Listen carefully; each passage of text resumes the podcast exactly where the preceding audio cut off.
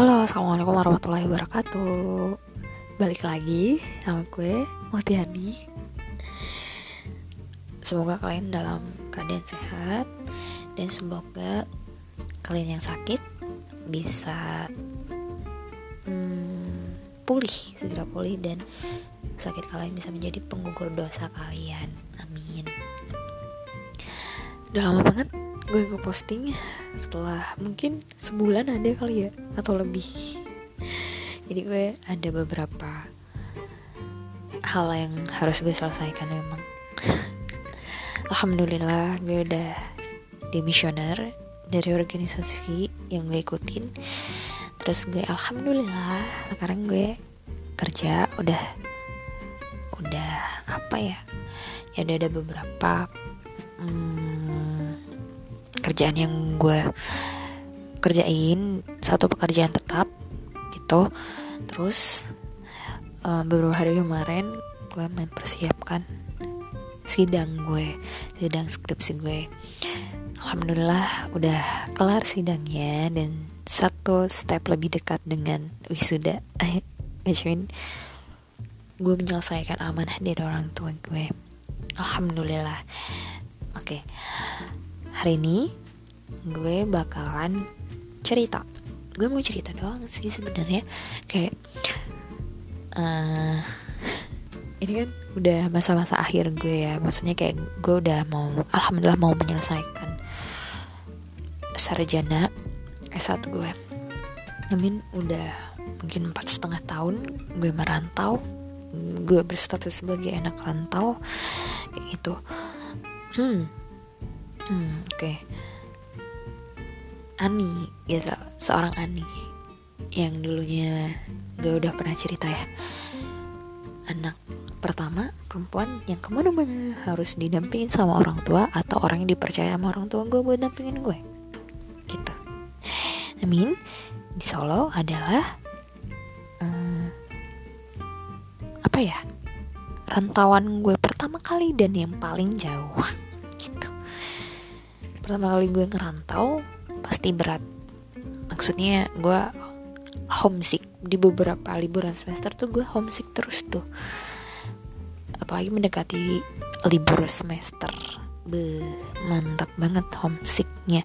Atau lagi banyak-banyaknya tugas. Itu homesick parah. I mean gue pasti kepikiran. Kayak kayak mi uh, kayak yang gimana gue sebenarnya gue hmm, ya nggak terlalu gimana sih.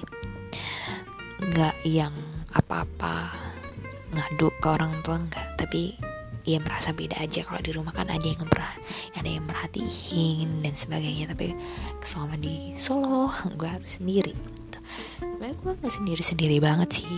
Gue diizinin ke Solo juga karena banyak kakak kelas gue SMA Ismin tetangga gue juga di rumah yang kuliah di Solo. Makanya gue dibolehin untuk kuliah di Solo gitu. Hmm, di semester awal sampai semester 3 gue selalu bareng sama kakak kelas SMA gue. Tapi ketika gue udah semester akhir-akhir gue harus sendiri. Apa-apa sendiri? I mean uh, bener-bener sendiri ketika di kos. Berkurang teman makan berkurang teman main ya kan? Tapi alhamdulillah udah lumayan tenang udah nggak mulai udah nggak homesick homesick lagi. Oke okay, ada toke kedenger nggak? Oke. Okay. oke okay, selama gue di Solo banyak banget yang gue dapetin banyak banget yang gue pelajarin. Terutama mungkin yang gue pikir gini ya ketika gue di rumah ketika gue di Lampung dulu gue kan masih SMA I mean masih masa-masa peralihan remaja ke dewasa. Dan bener-bener ketika gue di Solo ketika gue kuliah ini bener-bener kayak masa-masa gue untuk menjadi dewasa. Ya usia gue di tahun ini 23 tahun. Banyak banget hal yang gue pelajarin selama di rantauan.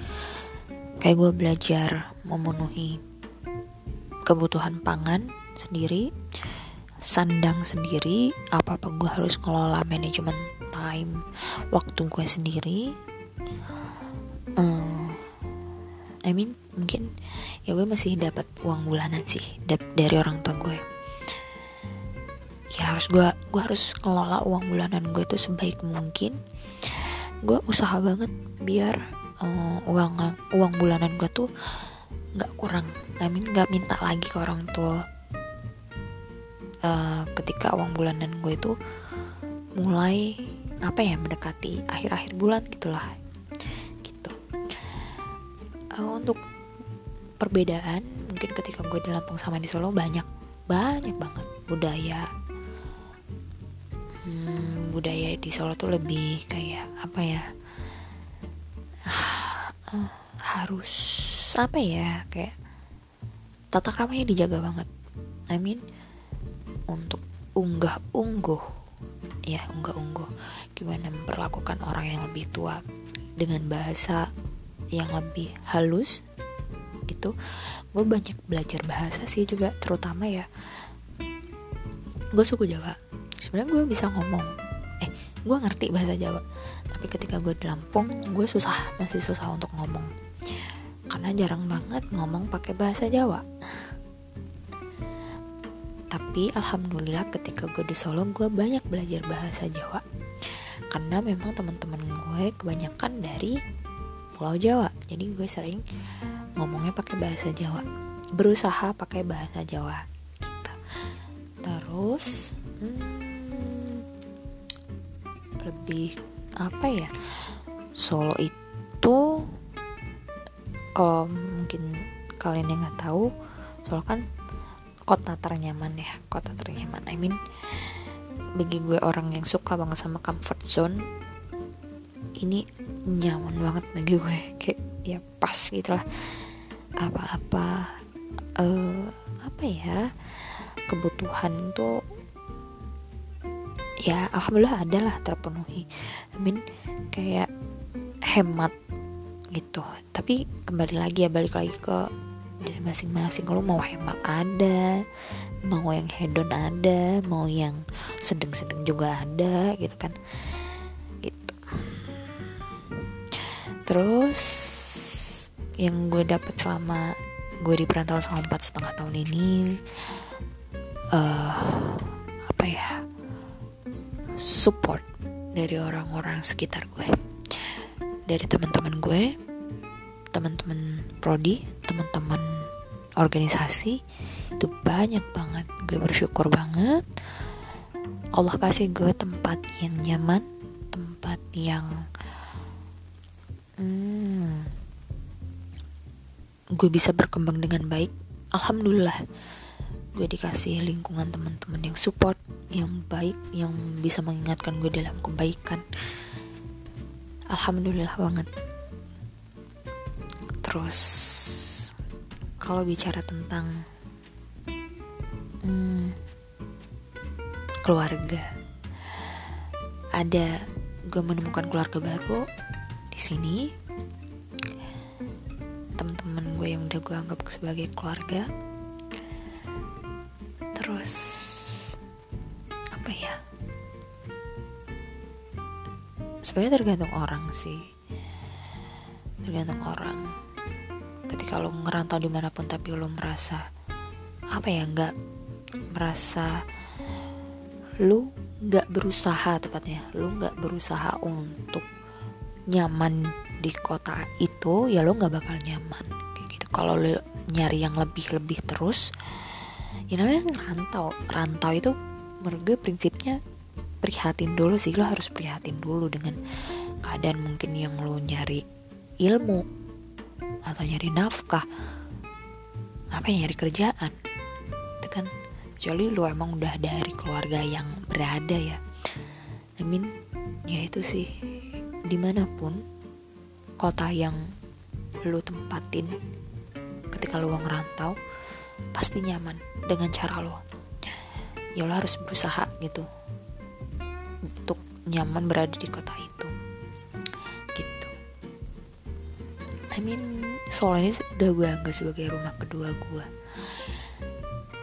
rumah menurut gue ya gue ada baca beberapa tulisan juga rumah itu bukan cuman hal atau sebuah bentuk yang terbuat dari batu bata atau bangunan yang lain.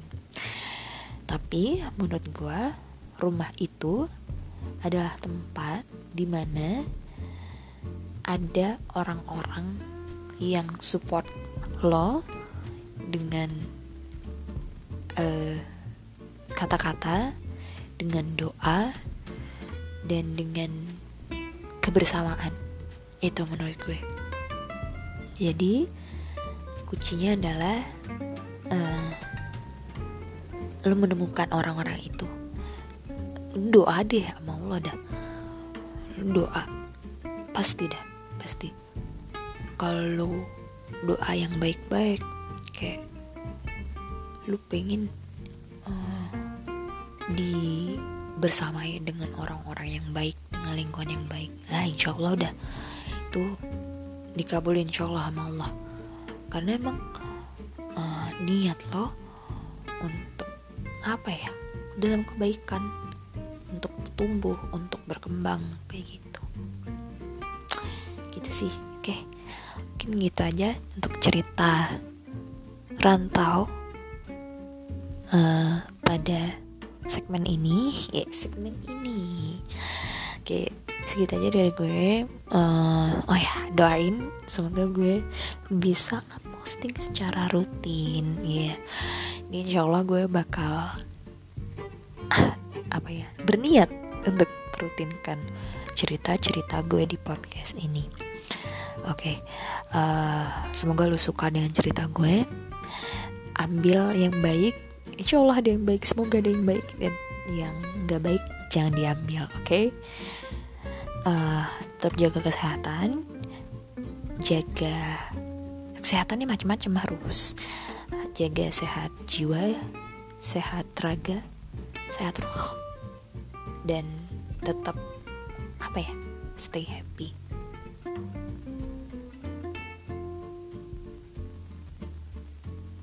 Gitu sih dari gue. Oke sekian teman-teman. Gue udahin buat podcast podcast cerita gue di segmen ini. See you di podcast selanjutnya